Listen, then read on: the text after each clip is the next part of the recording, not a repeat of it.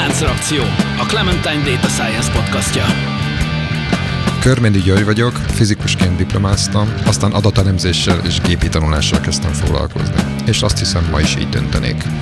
Kovács Gyula, Data Science Trainer. Célom az adatelemzési kultúra minél szélesebb körben való elterjesztése. Könyves Tóth előtt vagyok, hivatalosan matematikát, programozást és pszichológiát is tanultam, de az életben azt is megtanultam, hogy a nem hivatalos tanulmányok éppen annyira fontosak. Póli Ferenc, digitális terméktervező, tanácsadó, startupper és podcaster, akiben évtizedek óta harcol a programozó és az újságíró.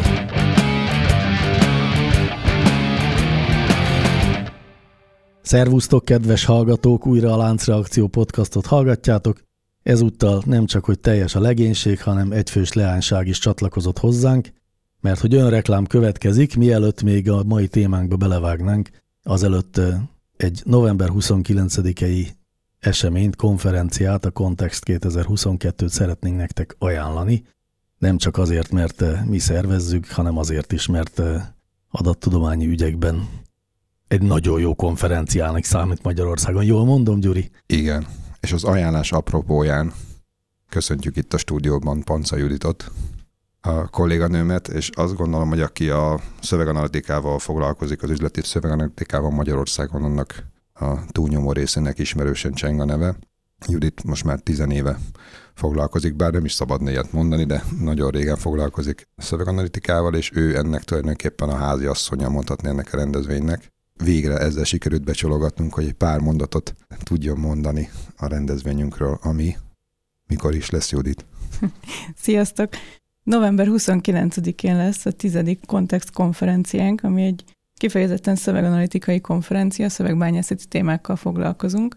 Minden évben igyekszünk a legújabb technológiákat bemutatni, illetve elmeséljük, hogy az elmúlt egy évben milyen projekteken dolgoztunk, milyen megoldásokat találtunk ki, és az idei tizedik alkalom az azért is nagyon különleges, mert hogy most fogjuk bemutatni, hát szerintem a Clementine egyik legnagyobb dobását, a, az első virtuális asszisztensünket, ami egy, egy szolgáltató ügyfelünknél fog valós időben működni, és hamarosan bárki kipróbálhatja majd. Igen, debütálni fog. Tehát egy mindenképpen, aki, aki eljön, az ott és akkor fog először hallani, mert, mert még erre hivatalos bejelentés még ugye nem történt. Hát lehet majd vele beszélgetni? Lehet vele beszélgetni. Ú, de izgulok. Na, ez tök jó. És ö, olyan, mint a, a telefonokban levő virtuális asszisztens? Ez egy ügyfélszolgálati asszisztens. Értem. Tehát azt nem tudom tőle megkérdezni, hogy mikor született, nem tudom. Én mikor születtem, mert azt ő nem tudja. Azt ő nem tudja, de az, hogy ő mikor született, azt tudni fog. Igen? És azt meg is kérdezhetem tőle? Majd igen. Fantasztikus. Jó, hát akkor extra, de gondolom nem csak ez az asszisztens fogod beszélni, hanem lesznek előadások is. Hát a legtöbb előadás az asszisztens köré fog épülni, mert ezért ez egy elég komplex megoldás, és szerintem azt is mondhatjuk, hogy az első olyan magyar virtuális asszisztens megoldás, ami tisztán magyar nyelvű komponensekből épül fel, tehát az összes technológia, ami mögötte van, az magyar fejlesztés. Ó.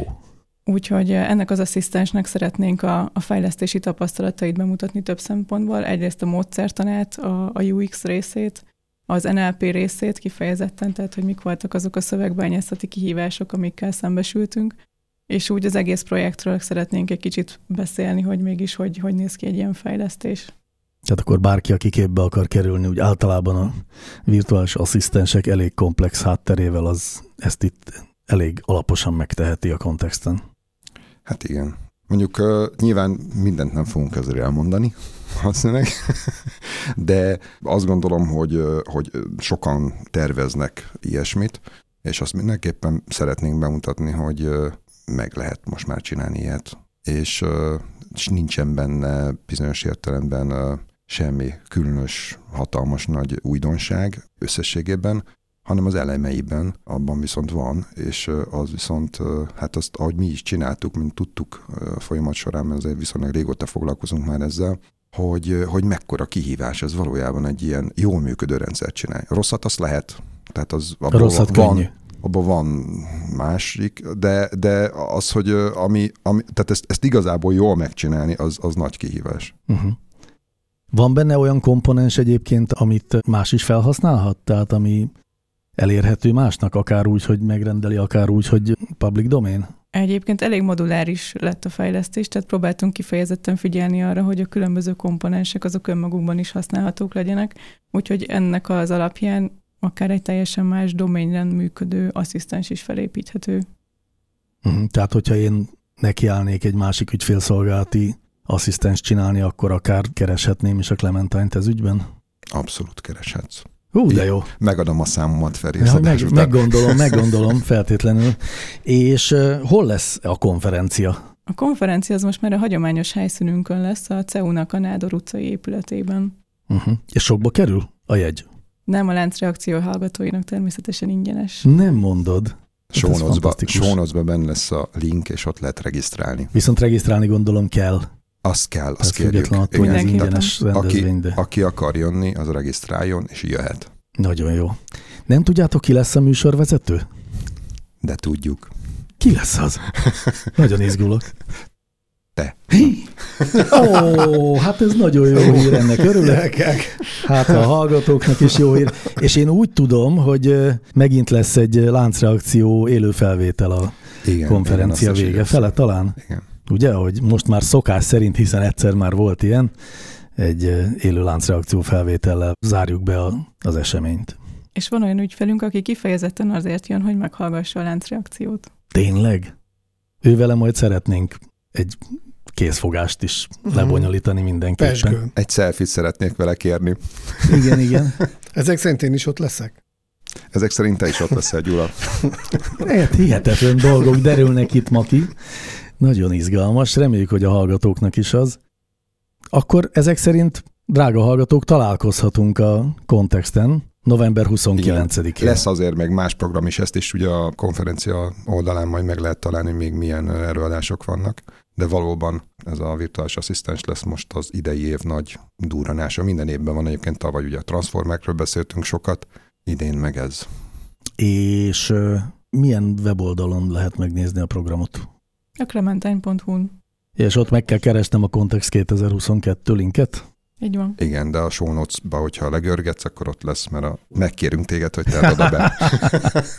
Ez csak rajtam múlik. Hát, ha rajtam múlik, akkor benne lesz. Ez is úgy, hogy a drága hallgatók már is kereshetik a készülékükön azt a linket. Jól van, mit kell még elmondanunk a Context 2022-ről? Hát aki kimarad, az lemarad. Az lemarad. Egyébként amúgy is a, tehát valószínűleg készülni fog róla a felvétel. Igen, készülni fog felvétel, és utólag közé szoktuk tenni. Közé szoktuk tenni, de azért hangsúlyozottan felszólítunk mindenkit a személyes jelenlétre. Hát már csak azért is, mert egy konferenciában nem csak az a nagyon jó, hogy előadásokat hallgathatunk, hanem az is, hogy aztán találkozhatunk Igen. rég nem látott ismerősökkel, és titokban megbeszélhetjük, hogy miért vagyunk mi sokkal okosabbak, mint az előadók ez egy igazi seregszemle, tehát az a évről évre ott vannak, akik ezzel az iránt érdeklődnek, és uh-huh. ezért aztán mm, igazából valójában ezekben mindig, a, ahogy én korábban is mondtam, már mindig a kávészünetek azért a leges, legizgalmasabbak. Idén egyébként az eladások is nagyon izgalmasak lesznek, de a, a kávészünek az még sokkal jobb lesz, mert ott viszont olyan emberekkel találkozom, biztos lesz most is olyan, aki, akit már adott esetben évek óta nem láttam most itt például a Covid miatt. Akkor arra biztatjuk a hallgatókat, hogy ha másért nem legalább a kávészünetekért jöjjenek el, az előadásokat meg majd csak kibekkelik valahogy, akiket ez egyáltalán nem érdekel, de még ő nekik is ez a virtuális asszisztens egész biztos, hogy fog meglepetéseket okozni. Magyar nyelven valóban ilyen még nem készült. Igazából az igazi ambíciónk az, hogy ne okozzon meglepetést. Tehát pont úgy megy, működjön, mint mondjuk, hogy egy, mint hogyha, vagy ahhoz hasonlítson, mint hogyha egy ember lenne a másik oldalon. Ez volt az ambíció. Általában ez szokott lenni az asszisztensek fejlesztőjének ambíciója. Meglátjuk, hogy hogy sikerült. Jó, hát akkor lehet velünk is Judittal is találkozni. Tényleg Judit, te fogsz előadni? Igen, kivételesen én is előadok. Rávettek téged? Rávettek. Értem. Akkor Judittal is ott találkozhatnak a hallgatók velünk is. Nagy esemény lesz, úgyhogy várunk mindenkit oda sok szeretettel egy ingyenes regisztrációért cserében. A mai témánkat pedig kezdjük el a szokásos kérdéssel, ami ebben a pillanatban formálódik a fejemben – azt akarom tőletek kérdezni, miután már eh, Judit elhagyta a stúdiót, és így már csak titeket kérdezhetlek, hogy eh, felkapcsoljátok-e villanyt, éjjel, amikor dolgoztok? Hát ez nagyon szép kérdés Én volt. is azt hiszem. Ezt hiszem kivágtad magad. Bár így jobban belegondolva. Attól függ, milyen munka. Tehát eh, ha például kertetások, Szoktál éjjel kertet ásni? de tegyük fel, hogy kertetások, ahhoz nem is tudok. El kell tüntetni a áldozatokat. Aha. Én nem szoktam éjszaka dolgozni. Én se szoktam. Tényleg? Aludni Nem. szoktam. De Nem, rendesek nem. vagytok. És az este este villanyt. 8-9 körül jön az, hogy, hogy én akkor átváltok ilyen médiafogyasztóvá, és akkor streamek, foci meccsek, Uh-huh. Vagy inkább foci meccsek, és ha nincs foci meccs, akkor valami Netflix. De nem, ezt úgy meghúztam, hogy olyan lehet, hogy valami olyan skriptet írok, ami órákig fut, akkor azt elindítom éjszaka, és reggel reggel úgy megyek a gép elé, mint karácsonykor, amikor kisgyerek voltam, hogy na lefutott, lefutott, és ha lefutott, akkor nagyon boldog vagyok, és tapsikolok a kezemmel, de azt, hogy én ott gépet nyüstöljem, az, az kizárt. Rájöttem, hogy hosszabb távon nem egészséges. De azért, hogy kicsit átkössek a témánkra, azért, hogyha lenne egy határidős munkám, amit nagyon be kell fejezni, akkor elővennéd a gépet éjszaka, és akkor nyilván felkapcsolnád a villanyt is. És Ez mindez igen elég furán hangozhatott így, de a mai témánk az egyébként nagyon szoros összefüggésben van ezzel az egészen furcsa kérdéssel, amennyiben ugyanis belefutottunk egy ö, olyan kutatásba, és amikor itt kutatást mondok, akkor ne a brit tudósokra tessenek gondolni, hanem valóban egy valódi academic paper tárgyalja ezt a kérdést, aminek az az állítása, hogy a kínai gazdaság az mintegy 40%-kal kisebb, mint amekkorát állít magáról. nem 60-nal. 60, hát szóval, hát Mindegy, nagyon sokkal. Nehéz, Egyébként igen, ez is egy hát érdekes dolog, az is egy érdekes dolog. tulajdonképpen számszerűsíti, és lényeges akár a számszerűsítés is, de ugye a módszertamból majd lehet látni, azért ez nem egy exakt valami, meg eleve nem egy exakt dolog ez a GDP számítás. Igen, tehát 60%-kal kisebb, mert hogy a kínaiak által állított GDP-vel szemben a valóság az ennek a számnak a 40%-a, csak tehát akkor 60%-kal kisebb. Nem feltétlenül a kínai gazdaságról és a GDP számítás módszertanáról akarunk beszélni, ugyanis ez a paper, ez azt állítja, hogy volt egy hipotézise a kutatónak, ez a hipotézis körülbelül az volt, hogy a, az űrfelvételeken látható kivilágítása az országoknak, tehát az, hogy az éjszakai időszakban mennyi világítást látunk egy adott ország területén, az összefügg az adott ország GDP-ével, tehát a gazdaságának a fejlettségével. Ez egy olyan hipotézis, ami hát elsőre eléggé bátornak tűnik mindenképpen, viszont ez a Louis Martinez nevű professzor a Chicagói Egyetemről, ez nem vacakolt, hanem azt mondta, hogy adatokból fog igazolást keresni, és azt hiszem 184 országnak a, az adatait nézte meg eh, 1992 és 2008 között, tehát ugye ez azt jelenti, hogy 16 év alatt 184 ország GDP adatait vetette össze azokkal az űrfelvételekkel, amik ezekről az országról készültek éjszaka, és összefüggést vélt felfedezni az adatokban, mégpedig elég határozott összefüggést vélt felfedezni aközött, hogy mennyi világítás van az országban, és hogy mekkora a GDP-je. Eddig oké. Okay. Eddig oké, okay, Tehát minél fényesebb egy ország, annál nagyobb a GDP. Annál nagyobb a GDP. Csak hogy a hallgatók értsék. igen. Aztán ő neki is voltak kétségei, ugyanúgy, ahogy most nyilván minden hallgatóban is felmerül, hogy hát azért lehetnek más faktorok is, amik ezt befolyásolják, és ezért ő is egy csomó minden mást megvizsgált, hogy nem lehet-e, hogy valami mással van összefüggésben ez a, ez a fényesség és a GDP dolog. Tehát, hogy például bizonyos országoknak más az ipar szerkezete és amiatt, vagy, vagy máshogy jelentik az adatokat. Mindegy, egy csomó mindent megnézett, és végül arra jutott, hogy nem, nem, tényleg van összefüggés, és itt már kezd érdekessé válni a dolog, mert akkor tényleg úgy tűnik, hogy levezethető egy ország gazdasági teljesítménye a róla éjszaka készült űrfelvételekből, és aztán ezt a kutatást használta föl ennek az írásnak a szerzője arra, hogy azt a következtetést is levonja, hogy viszont az autokráciában élő országok, vagy az autokratikus vezetésű társadalmak, azok jellemzően fölfelé hazudnak az ő GDP-jükről, vagy legalábbis ott azt a szignifikáns eltérést is megtalálta, hogy míg a ezen furcsa módszertan szerint számított összefüggés az a mm, demokratikus országoknál nem mutatott jelentős eltérést, az autokratikus országoknál mindig viszonylag jelentős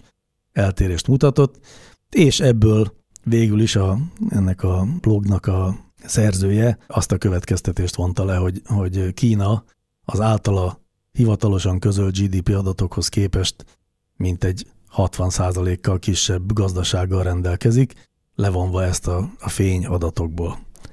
Eddig a sztori, ami inspirálta ezt a mai beszélgetést, meg az én fura kérdésemet, sok minden jutott erről eszünkbe.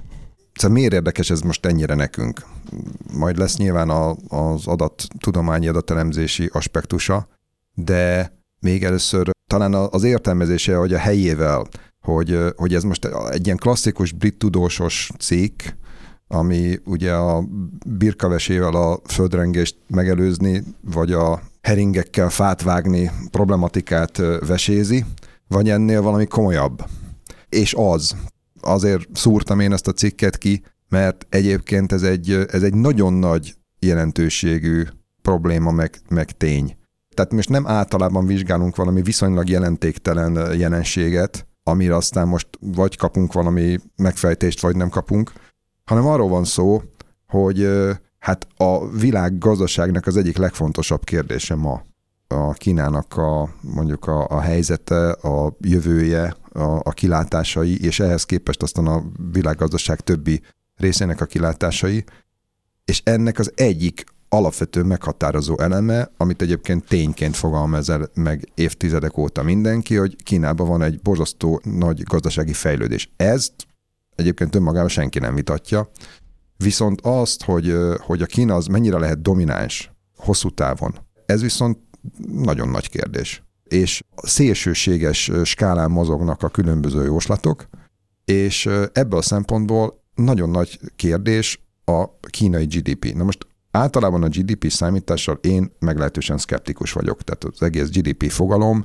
az szerintem nem egy exakt valami, viszont használjuk, mert valamihez mégiscsak mérni akarunk, tehát egy gazdaság teljesítmény ezt valahogy mérni akarjuk, és akkor ezt a mutató a legelterjedtebb, amit erre használunk. Ez régóta van vele számos probléma, meg próbáltak nyilván más típusú mindenféle GNP, meg egyéb számokat is használni. Az sem feltétlenül sokkal jobb, mert itt ugye magával a módszertannal van alapvető probléma, vagy tehát több rétegben van probléma, eleve van a szerintem a módszertannal is probléma, tehát azok a tranzakciók, transferek, amiket itt mérni próbálnak, ezeket nem lehet igazából elég jól mérni, de ami ennél még nagyobb probléma, hogyha ez egy kellő objektivitással próbálják ezeket, ezeket mérni, akkor ebből azért valami szám ki fog jönni, és valószínűleg az a szám, ami kijön, az azért összefügg a gazdaságnak a valódi teljesítményével, illetve annak a változásával. Tehát ilyen értelemben azért valamire jó a GDP számítás általában és azért ezt, ezt én is elismerem, és hogy, hogy, hogy, hogy azért a... En, ennek az örülök. Ismerve Gyurit, féltem, hogy nem, azt mondod, hogy... Nem, nem, tehát csak nem akarom teljesen, tehát nem akarom ezt teljesen anulálni, tehát nem erről van szó, hanem csak arról van szó, hogy tudjuk azt, hogy egy ilyen, szóval nem egy exakt fogalommal dolgozunk, hanem egy ilyen kicsit ilyen puha fogalommal, viszont használjuk nyilván, és ami a lényeges ezen a GDP értéken, mondjuk a, a magyar GDP értéken, az amerikain, a kínain, a konkrét számra alapozva gazdasági döntéshozók, meg politikai döntéshozók fontos döntéseket hoznak, illetve a jövőbeli tervek az nagyon nagy részt ezekre alapulnak. Uh-huh. Továbbra is állítom, hogy a GDP az egy fiktív szám, még valamilyen módon azért korrelál a, a valósággal, remélhetőleg jó esetben, és akkor majd itt beszélünk arról egy kicsit, hogy mi a baj azzal, hogy ez nem feltétlenül teljesül mindig, de mivel egy konkrét számot képezünk belőle, tehát nem az van, nem azt mondjuk ki, mint a kisdiáknak a ellenőrzőjébe, hogy, hogy jól halad a matekkal, vagy úgy tud összeadni egész jól, hanem konkrétan jegyet adunk a diáknak, itt is leírunk egy számot, hogy 4,2 vagy 5,7 a GDP növekedés, és erre vonatkoztatva aztán utána konkrét cselekvési terveket, meg döntéseket hozunk, és ennek, ennek viszont már konkrétan van hatása uh-huh. az életünkre. És ezért van nagyon nagy jelentősége annak, hogy mondjuk a hogyha egyes társadalmakban, egyes államokban a statisztikákat esetleg nem teljesen objektíven állítják elő, hanem vannak olyan hatások, amik befolyásolják, tehát magyarul manipulálják. És egyébként ugye a cikk az egy kicsit kiterjesztve, valójában a Martin az elég régóta dolgozik ezeken az adatokon, és nem a Kína volt itt kipécézve igazából, hanem tulajdonképpen az összes országot vizsgálta így összességében, és általában az autokráciáknak, illetve a demokráciáknak a, az ilyen GDP mérésbeli teljesítményét nézte. Én most itt nem mennék ennek egyébként a politikai szőrszál hasogatásába, hogy most hogyan állapítja meg a Martin, ez biztos benne volt a cikkben, csak ezt most én nem tudom hirtelen felítese. Tudod, hogy, hogy hogy állapította meg, hogy most melyik autokrácia, melyik demokrácia, ezt honnan vettem? Ja, nem. Pirosak és zöldek nem, nem, volt, nem. piros és zöld pöttyök voltak. Ezt ő eldöntötte szerintem egyszerűen, csak hogy van egyfajta közmegegyezés Igen. erről. Hát igen, na e- ezt nem akarom most firtatni, tehát most ezen egy picit elegánsan lépjünk tovább, és tegyük fel, hogy ezek piros és zöld pöttyökbe rendezhetők ezek az országok, tehát szerintem ez nem egy ö, világos, nem, nincs ez világosan így, de tegyük fel, hogy valamilyen közelítéssel megtehetők, és akkor ezek mentén azt nézte, hogy, a, hogy az ausztrokráciák azok rendre felülbecslik lényegben a GDP-t, ezt elég jól lehet állítani az ő munkássága alapján, mert elég hosszú adatsoron és elég alaposan vizsgálta. Igen, igen, de ugye minket ez abból a szempontból mindenképpen érdekel, hogy amikor van egy ilyen nehezen definiálható, vagy legalábbis sok szempont által befolyásolt mérőszám, ami valóban fontos a gazdaság működésében, akkor ezt az adattudomány segítségével lehet olyan kreatív módokon ellenőrizni, ahogy azt egyébként nem lehetne pusztán úgy hogy a, a hagyományos módszerekkel. Tehát Igen. ez az, ami miatt ebben a podcastban is szerepel ez a történet. Itt fontos a megjegyzés, és akkor még egyszer, hogy a fene se csinálná ezt, vagy maximum ilyen brit tudósok hülyeséget csinálnak, kategória lenne ez a dolog egyébként, hogyha amúgy a módszertan exakt lenne. Viszont mivel a hagyományos módszertan nem exakt, illetve bizonyos esetekben gyanút kelt, hogy manipulált, ezért jönnek azok az indirekt eljárások, mindenféle indirekt eljárás elkezd bennünket érdekelni, ami más módon összefüggést tár fel arról, hogy akkor valójában mi történik. És hát ez maga az adattudomány, és ezért is keltette fel a figyelmünket, Mhm. és gondolkodtunk el azon, hogy vajon hol a határ hipotézis, a tények és a spekuláció között, és ezen szeretnénk majd egy kicsit gondolkodni, hogy milyen Mielőtt módszerek vannak erre. ö, én is megnéztem a cikket, és kapásból már ö, érintjük is ezt a területet, hogy mi a hipotézis, mi a valóság. Egy pozitívumot mondanék a cikkel kapcsolatban, és egy negatívumot. Szerintem az volt egy nagyon pozitív ötlet, hogy nem egy adott évre nézte meg, hogy mennyi a GDP országonként, és mennyi a fény, és ez alapján próbált egy korrelációt csinálni, hanem azt mondta, hogy ez kulturálisan eltérhet, hogy a GDP függvényében mekkora a fény, és az adott országon belül nézte meg, hogy 16 éven keresztül hogy változott a GDP, és hogy változott a fényerősség. És ez már szerintem ez egy jó ötlet volt, mert már földrajzi adottságok miatt is lehet eltérő a... De adott országon belül már a növekmény az egyértelmű, hogy egyetem van-e? Tehát, hogyha nő a GDP, nő a fény. Ha ilyen korreláció nincs, akkor az egész gyakorlatilag kuka. De valószínűleg ezt a korrelációt megtalálta.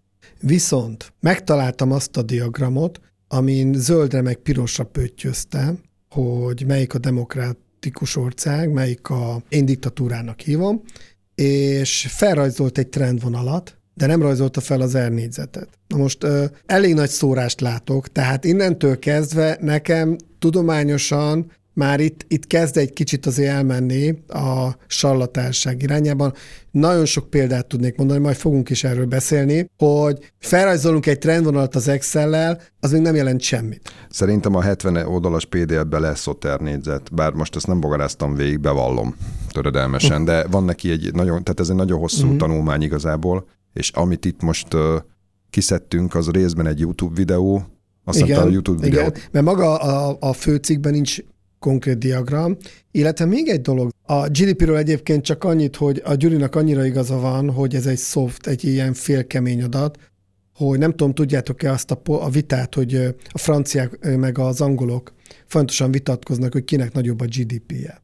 Bizonyos adatok szerint az angoloknak nagyobb a GDP-je, más adatok szerint viszont a franciáknak. És nem tudom, tudjátok-e mi a különbség. Hogy a franciák, amikor számolják a GDP-üket, akkor beleszámolják a fekete gazdaságot, tehát a prostitúció, drogkereskedelmet is. Azzal a logikával, hogy oké, okay, hogy tiltod, de valójában az is a gazdaság része, uh-huh. tehát uh, ugyanúgy a GDP része, és hogyha beleszámolják a fekete kereskedelmet, akkor a franciák megelőzik az angolokat, ha meg nem számolják bele, akkor meg az angolok egy kicsit jobbak, mint a franciák. Tehát már ez is mutatja, hogy akkor most mi a valódi GDP, tehát már ilyen szinten is lehetetlen.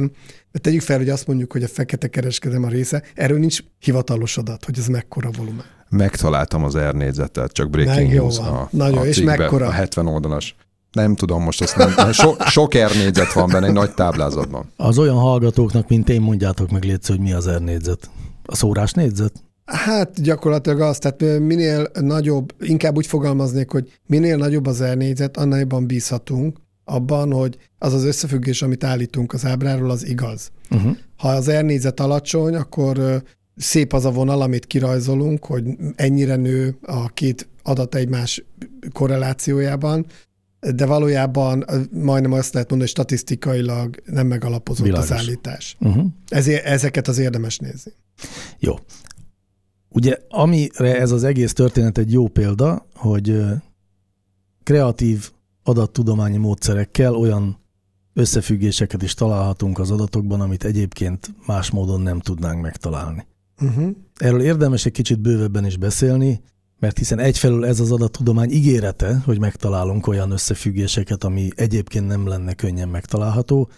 Másrészt viszont, ahogy azt ti gyakran szoktátok ebben a podcastban is mondani, két trend együttjárása az nem feltétlenül jelent összefüggést. Nem pontosan idézlek titeket, azt hiszem, de szóval a, De nagyon jó volt. de hasonló. Szóval, hogy attól, mert valami korrelál valami mással, még nem biztos, hogy azok összefüggenek. Igen. Erre ugye a legklasszikusabb mindenki által emlegetett példa az ugye a, azok a filmeknek az évenkénti Nik- száma, amiben Nicolas, Nicolas Cage, Cage és szerepel, száma. és az, én úgy emlékszem, hogy a fulladásos halálok száma, és az, ez egy elég jelentős korrelációt mutat. Egyébként ugye, tehát van olyan év, amikor egy filmben szerepel Nicolas Cage, van olyan, amikor kettőben, és van egy, egy olyan is, amikor négyben. És, És a korreláció azt mutatja, hogy minél egy adott évben, minél több filmben szerepel Nicolas Cage, annál több a fulladásos halálesetek Nevezzük száma. is meg ezt a weboldalt, majd a notes-ba bevesszük, ez a Spurious Correlations nevű oldal, ahol ilyen fantasztikus összefüggéseket lehet találni. igen, és így legalább én is megtanultam, hogy mi az a spurious, már mit jelent ez a kifejezés, eddig nem ismertem. Na, tehát látjuk, eh, hogy nagyon sok szára kifuthat egy elemzés, e- egészen a blödségtől kezdve, tudományosan alátámasztott a dögunalmas ered- eredményeken keresztül egy ilyen outputig, mint ez a kínai GDP, vajon mekkora eredményekig, és küldtél egy nagyon jó cikket, ami volt egy nagyon frappáns hármas felosztása az adatelemzéseknek. A következő, ez nekem nagyon tetszett, tehát tényleg nagyon jó, hogy háromfajta minta van. Az egyik minta az, ami benne van az adatbázisban, és egyébként azon túl is. Tehát olyan összefüggéseket találunk, ami az adatokból nyerünk ki, és egy általános összefüggés. Ugye elmeteg ez a tudósok, meg az adattudósok célja, hogy az adatok alapján olyan összefüggést találjunk, ami úgy általában leírja a világot. Aztán vannak olyan minták, ez a második, ami benne van az adatszedben, az adatbázisban, de csak ott. Tehát ez a klasszikus túltanítás, hogy találunk valamit, ami, ami ott igaz, de egyébként, ha alkalmazni akarjuk a világban, nem fog működni. És aztán van a harmadik, ezt tetszett legjobban, ami csak az agyunkban létezik. Amikor nem is nézzük az adatokat, valami koncepciónk van, és ehhez görcsösen ragaszkodunk, és erre én csináltam is egy kísérletet. Ez amikor a, a, a adás témáját kitaláltuk, utána esett le, hogy én a tréningjeimen én ezt eljátszom a hallgatósággal, hogy az emberi agy mennyire be van drótozva arra, hogy azonnal találjunk mintákat. Egyik reggel felkeltem, és a mobilom azt mutatta óráról órára, hogy hány fok lesz az adott napon. És láttam a számsorozatot, hogy mínusz egy, egy, három, öt, hét, nyolc, nyolc, nyolc. Nyilvánvaló, hogy ennek a számsorozatnak semmi jelentősége nincsen, és a tréningeimen mindig tesztelem a, a hallgatóságot, ha ezt a szabályképző kényszert mennyire működik a valóságban. Mínusz egy, egy, három, az első három szám, és megkérem őket, hogy mondják el, mi a következő szám. Na most mínusz egy, ez számtani sorozat, mindenki rájön, hogy öt. Tehát akárhol csinálom, általában tízből kilenc azt mondja, hogy öt, mindig van egy valaki, aki valami trükköt sejt, és mond valami másik számot. És akkor felfedem, hogy tényleg öt a jó, nagyon ügyesek vagytok. Mínusz egy, egy, három, öt, na, és mi a következő? Következő, ugye a hét a következő, mindenki eltalálja a hét. Tehát most már a trükközők is rájöttek, hogy ez egy sima számtani sorozat. Most jön az érdekes, mert mi a következő szám a nyolc. Na mi a következő, mindenki kilencet tippel. Nyilván, hát számtani sorozat. És akkor meglátják, hogy nyolc. És most jön a legérdekesebb. Megkérdezem őket, hogy jön egy újabb szám, hogy ki az, aki vállalja, hogy megtippeli a következő számot. Megadom a lehetőséget a, a hallgatóknak, hogy kiszálljanak a játékból. Azt mondják, hogy fogalmam sincs. Mint ahogy egyébként ez lenne a teljesen logikus lépés, ha nagyon nézzük, mert innentől kezdve nincs az a jó Isten, aki bármi logikát találna bele, és most jön az érdekes, mindenki folytatja, és jönnek a különböző tippek. Méghoz olyan tippek, amikben van logika. Látták, hogy nyolcas, van, akik eh, legközelebb már hetes tippel, úgy gondolja, hogy felmegy a számsorozat nyolcig, azt utána elkezd lemenni. Van, aki nyolcat tippel.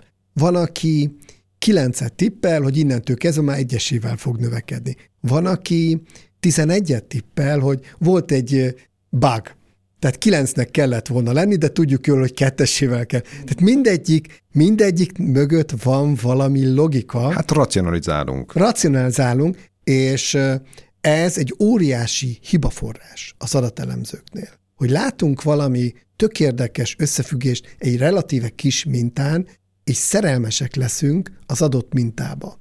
És gyakorlatilag az összes ilyen hiba, az összes ilyen brit tudósok cikk szerintem minden indul, hogy nagyon könnyű találni kis minden tök érdekes összefüggéseket, amit utána nem tudunk el, és utána felépítünk egy filozófiát. Nem is egyszerűen azt mondanám, hogy nagyon könnyű. Tehát itt van egy olyan jelenség, egyébként itt van egy, az a Deeply Trivial blogbejegyzés talán, ami majd ezek mind benne lesznek a sónozba, az, ami erre utal, de szerintem igazából sem ez, sem a másik hivatkozás nem mondja ki, ami szerintem a megfejtés, én meg most kimondom, de utalnak rá, tehát ugye ennek a cikknek a szerződés fél a, az adattudománynak az ilyen értelembe vett túl használatától. Uh-huh. A nagy mennyiségű adaton, irgalmatlanul nagy mennyiségű adaton, azon véletlenszerűen is fogsz találni nem összefüggéseket, és itt jön az érdekesség, hanem, hanem, hanem véletlen korrelációkat, uh-huh. tehát koincident, tehát egybeeséseket. És ezek mögött vagy van, mert egyébként bizonyos esetekben lehet egyébként valamilyen kauzalitás, vagy valami mögöttesok, vagy valami összefüggés, vagy nincs. Uh-huh. De ezt, ezt azon az adatsoron nem lehet eldönteni. Tehát ez a lényeges része.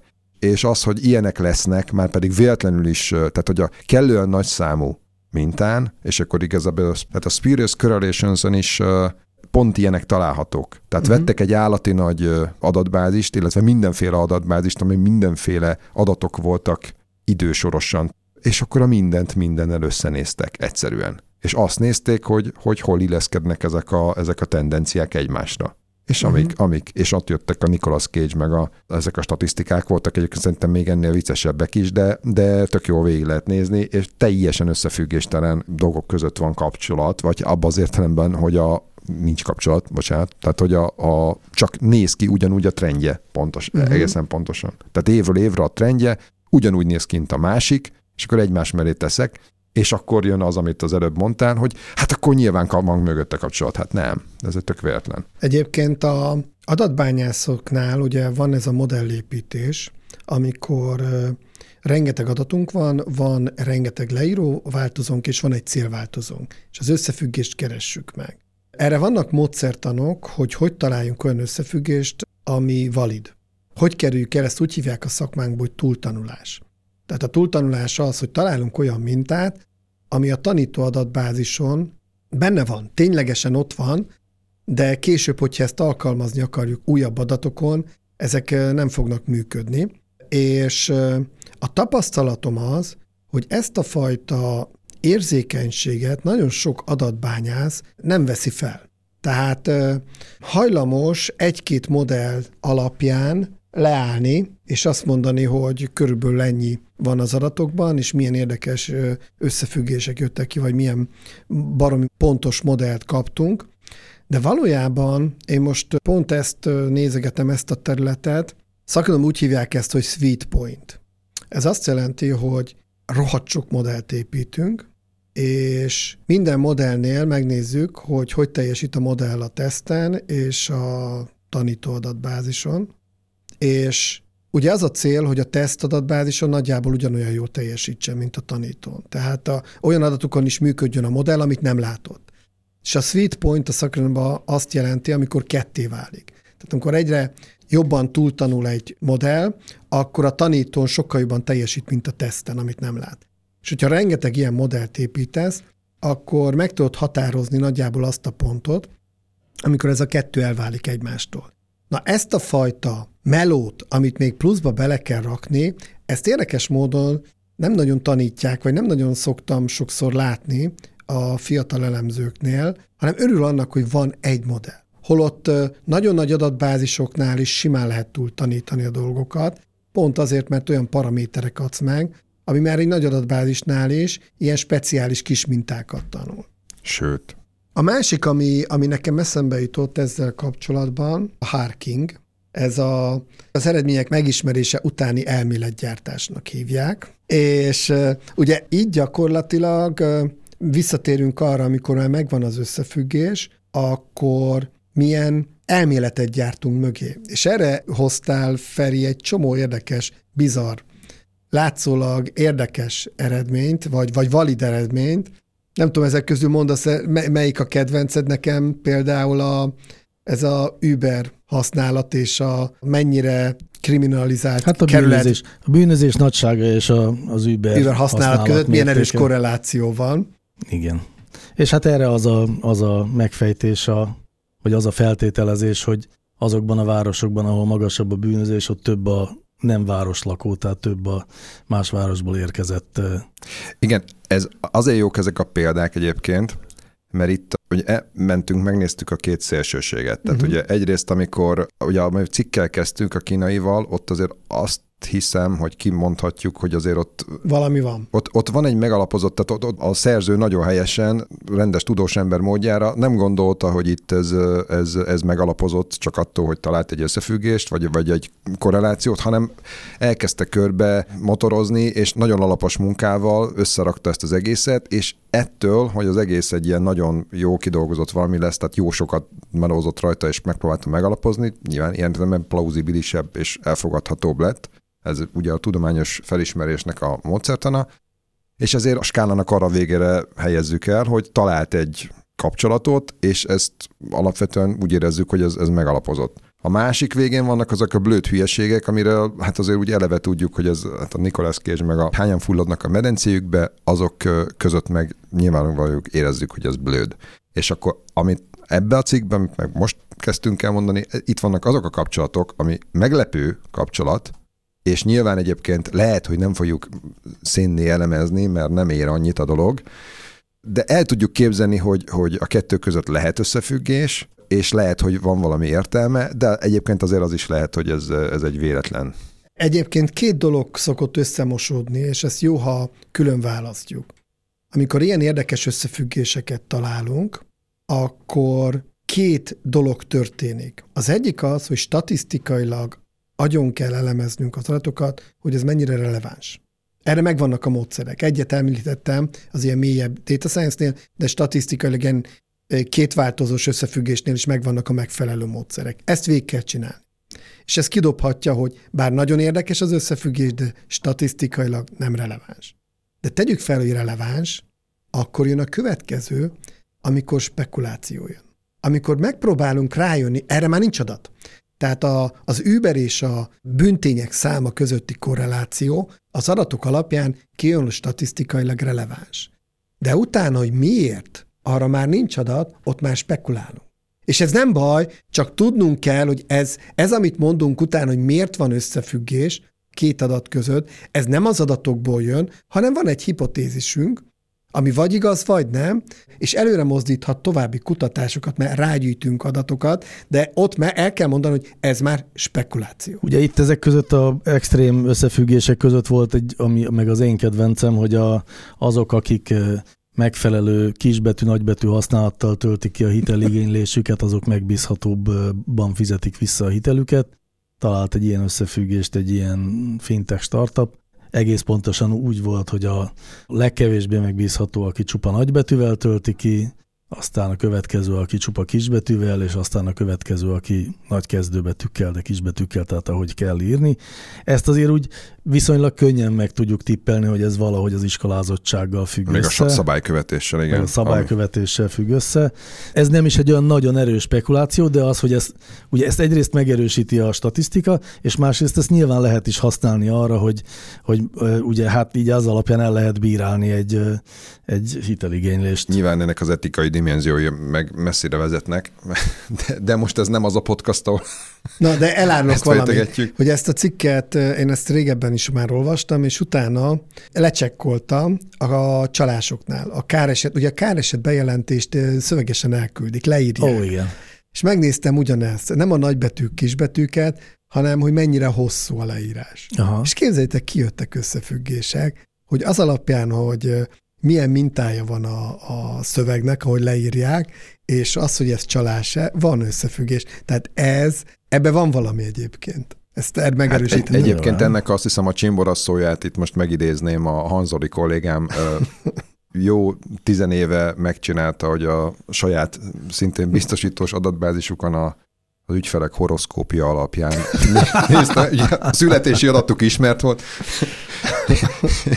és ezért ezzel nézte össze a, a viselkedésüket.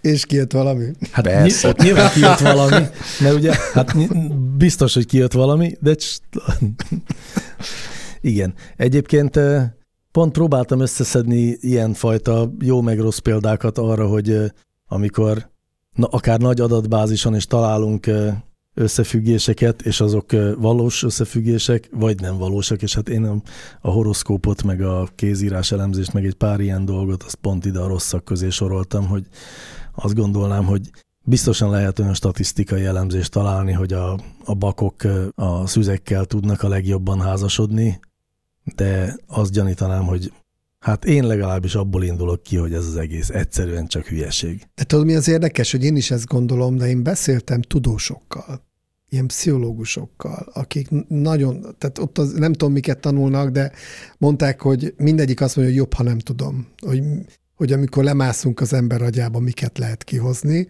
Náluk is azt hiszem vannak olyan tesztek, hogy, hogy csak az ötödik év végén csinálhatják meg velük, és egytől egyik mind azt mondja, hogy a horoszkópban van valami. Na, Képzeld el, itt az el, előtt, előtt hiányába ezt itt rekesszük be, de gyorsan.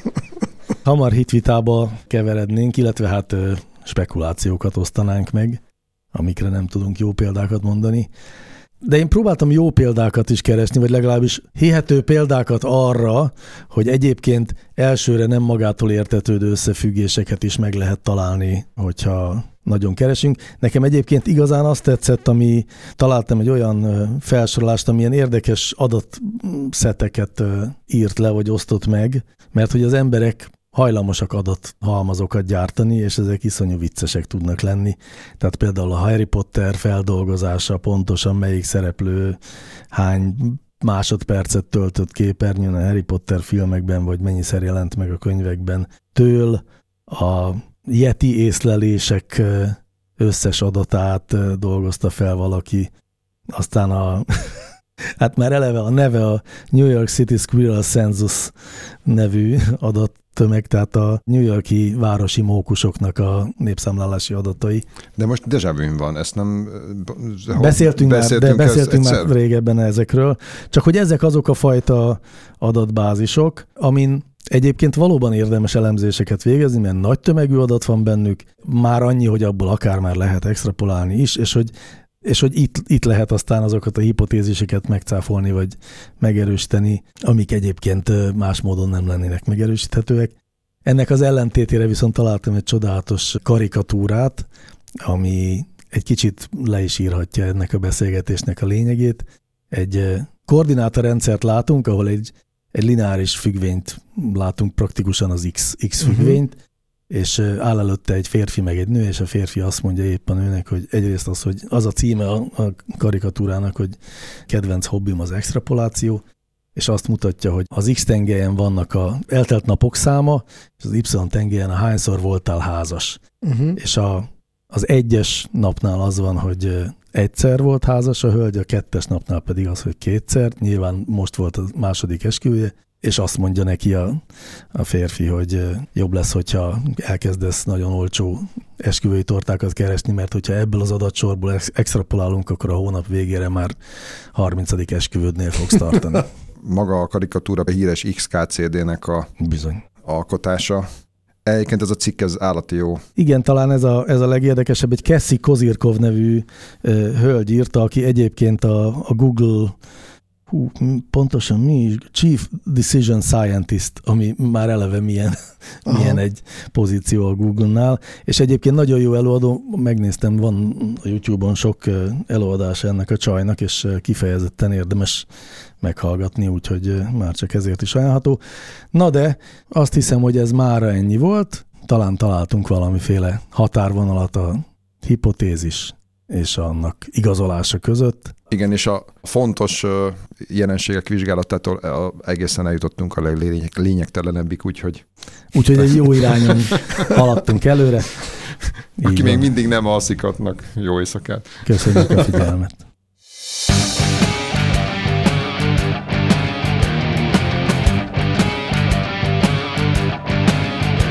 Láncreakció, a Clementine Data Science podcastja.